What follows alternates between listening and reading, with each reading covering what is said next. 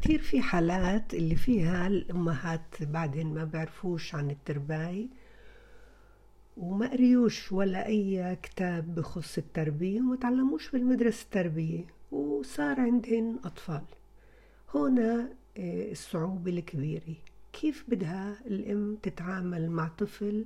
مثلا عندي سؤال هون عمره شهر طفلة عمرها شهر بتنام جنبي وأنا بدي أعودها تنام بسريرها هل أتركها لحالها ولا حرام؟ هنا يعني سؤال واضح إنه الأم تعرفش تعرفش إيش مصلحة طفلتها وهل هي بعمر إنها تنام بسريرها وهل بتقدر تتركها هل حرام ولا حلال؟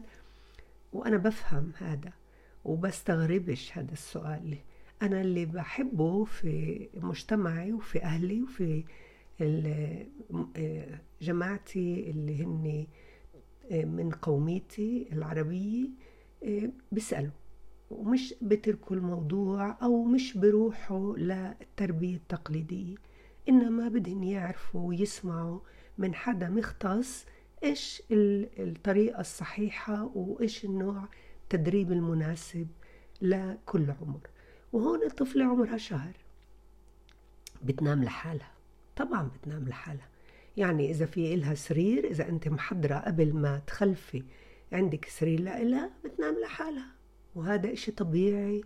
بس أهم إشي إنه ما تتركيها بدون ما تضلك متراقبة ومشرفة.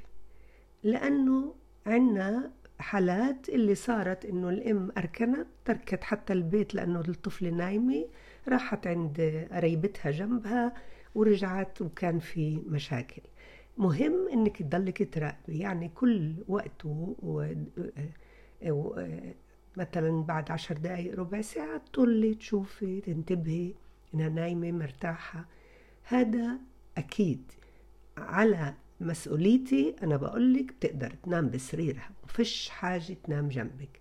إسا في كتير أمهات اللي بتريحوا بردعوا وبخلوا الطفل جنبهن بناموا جنبه حتى بالليل كمان.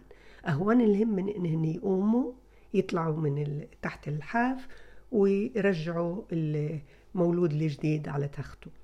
إذا بتقدري ما تقللي خواصك وتكوني عندك خواص و... وتعملي هذا بيكون كتير مريح لإلك وللطفل لبعدين النوم المستقل بريحك وبريح الطفل.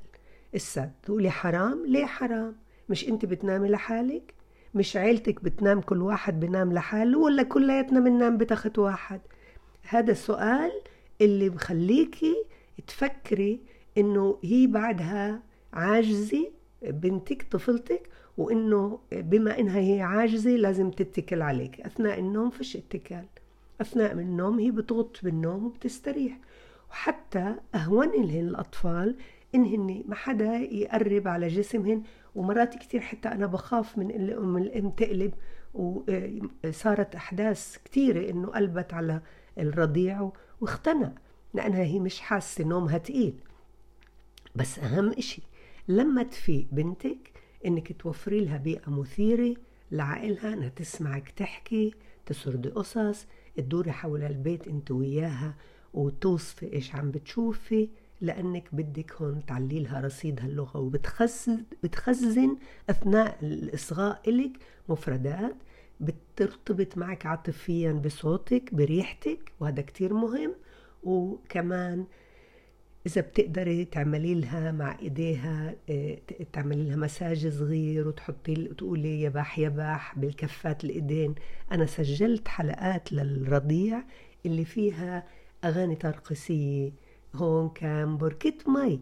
بتخليها تحس بكفة إيدها بأصابعها وهذا كتير بخليها تتسلى وتتمتع. وممكن لقدام تصير هي بتمد إيدها وتاخد إيدك تخليها تحط إصبعك على كفة إيدها عشان تقولي لها يباح يباح.